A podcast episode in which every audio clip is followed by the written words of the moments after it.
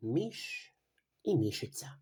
Na kraju velikog grada, u jednoj malenoj kući, živjeli su mama mišica i njeno dvoje male djece. Mama mišica vrijeme je provodila većinom u vrtu oko kuće, a i ono što svaka mama redovito radi, kuha i brine se da je kuća čista. A djeca miševi nisu se baš igrali sa igračkama. Crtići na TV-u i razne dječje emisije na YouTube-u, to je bilo ono što je njih zanimalo.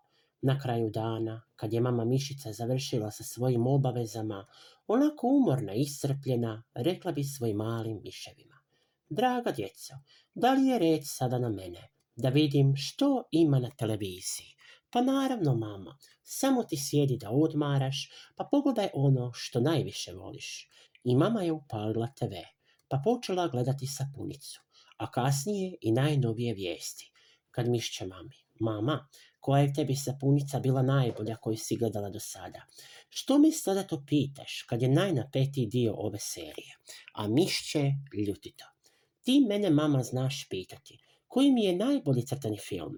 I mama visokim tonom reče, sine, vrijeme je da spavaš, a ne da me za vrijeme serije ispituješ koja mi je do sada najbolja bila. Dobro, mama, idem ja u krevet, a ti gledajte svoje sapunice. I miš je otišao do kreveta i legao pored svoje sestre, koja je već spavala i nakon sat vremena je i on zaspao. Kad je mama mišica krenula na spavanje, zazvonio je mobitel. Mama se zapitala, tko to tako kasno zove? Mama mišica se javi na mobitel i čuje glas svoje starije tetke, koja je živjela u velikom gradu.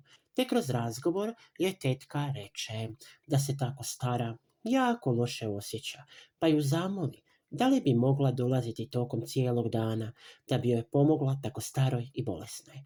A mama Mišica, tako dobra i brižna, reče svojoj tetki da se ništa ne brine, jer će ona da joj dolazi kad ona to traži od nje.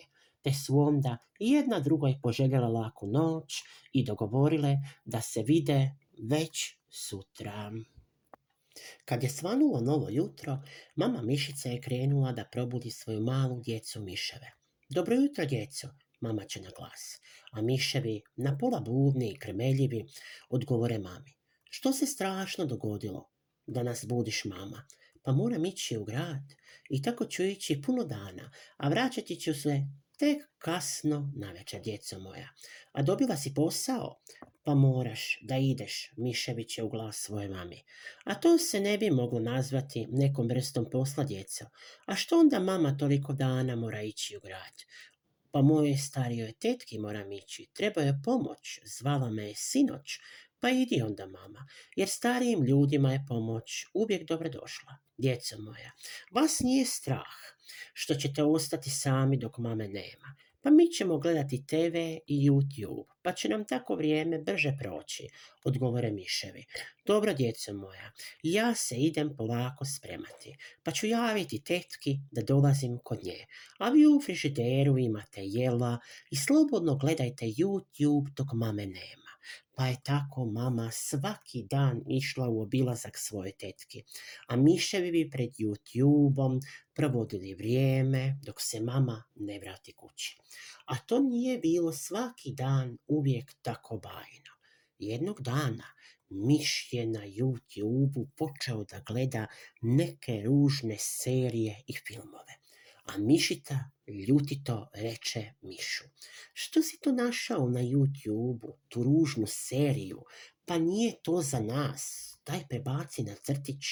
Pa kako nije za nas? Sami smo kod kuće. A tako Mišu, budem te ja rekla mami za to. I Miš uhvati Mišicu za rep pa joj reče, nemoj da si što govorila mami, jer ću rep da te izvučem. I mišica je počela da plače.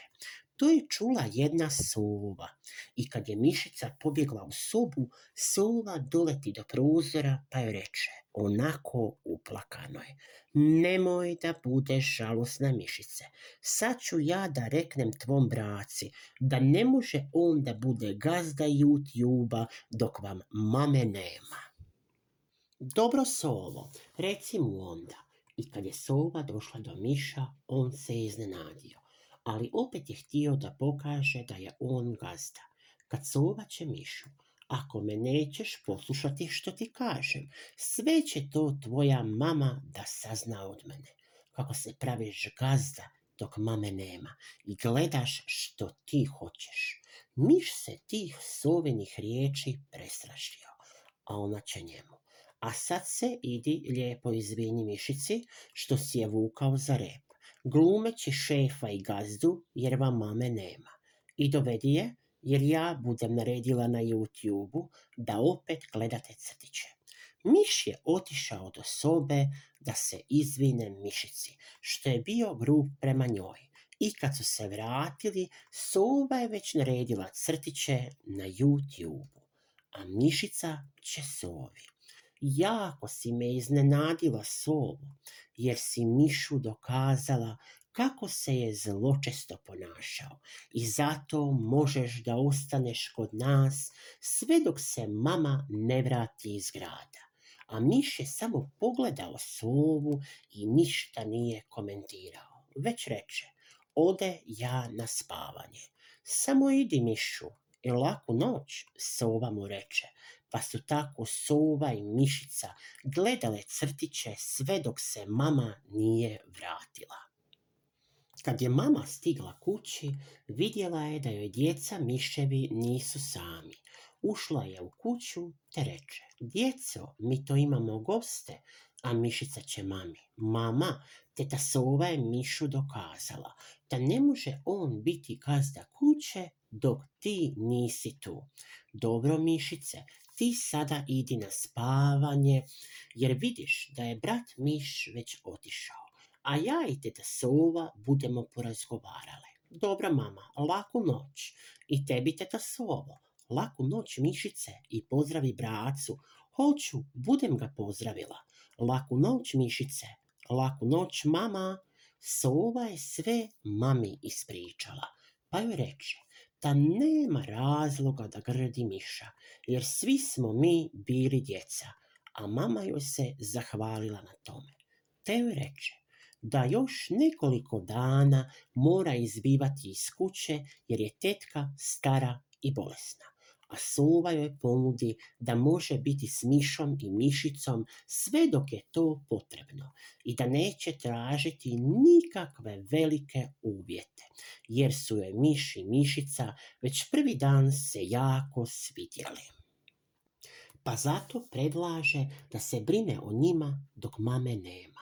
Mama i sova sve su to govorile, da sova može i prespavati kod njih, te tako ostale dane dok je god potrebno. Sljedeći dan sova je probudila miša i mišicu. Miš je toga dana bio kiseloga lica, a mišica je gledala crtiće. Sova upita miša. Mišu, jesi se ti naspavao? I da i ne sovo. A što je onda mišu? Bio sam zabrinut da me mama ne bude grdila za moje jučerašnje ponašanje, a tebi ovo hvala zbog toga, što me mama nije gradila i što je pomažeš nas čuvati, dok mame nema. Kad sova će mišu, doći da te teta sova zagrli tako slatkog i malog, a mišica će, a mene, a mene, ma oba dvoje dođite da vas teta sova zagrli. I nakon toga Sova je Mišu i Mišici pripremila jedan lijepi desert i Miševi rekoše Sovi da im može kuhati sve dok je tu kod njih. Pa tako su sve te dane dok ih je sova čuvala, gledali crtiće, jeli razna jela i slastice što im je sova pripremala. I stigao je dan kad mama Mišica nije više morala da ide u grad kod svoje tetke u posjetu. Miš i mišica su bili malo žalosni zbog toga, a će svima njima. Kako je bilo jako lijepo kod njih dok ih je čuvala. Zato nemojte da budete žalosni, jer ja imam svoju kuću kao i vi i ona me čeka, a vaša mama sad je tu i ona će vas čuvati bolje od mene. Mama se zahvalila Sovi za njenu dobrotu, pa svi troje rekoše Sovi da je ona kod njih uvijek dobro došla na kavu ili čaj. Sova im se zahvali, pa ih pozdravi, raširi svoja krila, te poleti prema šumi gdje joj je dom.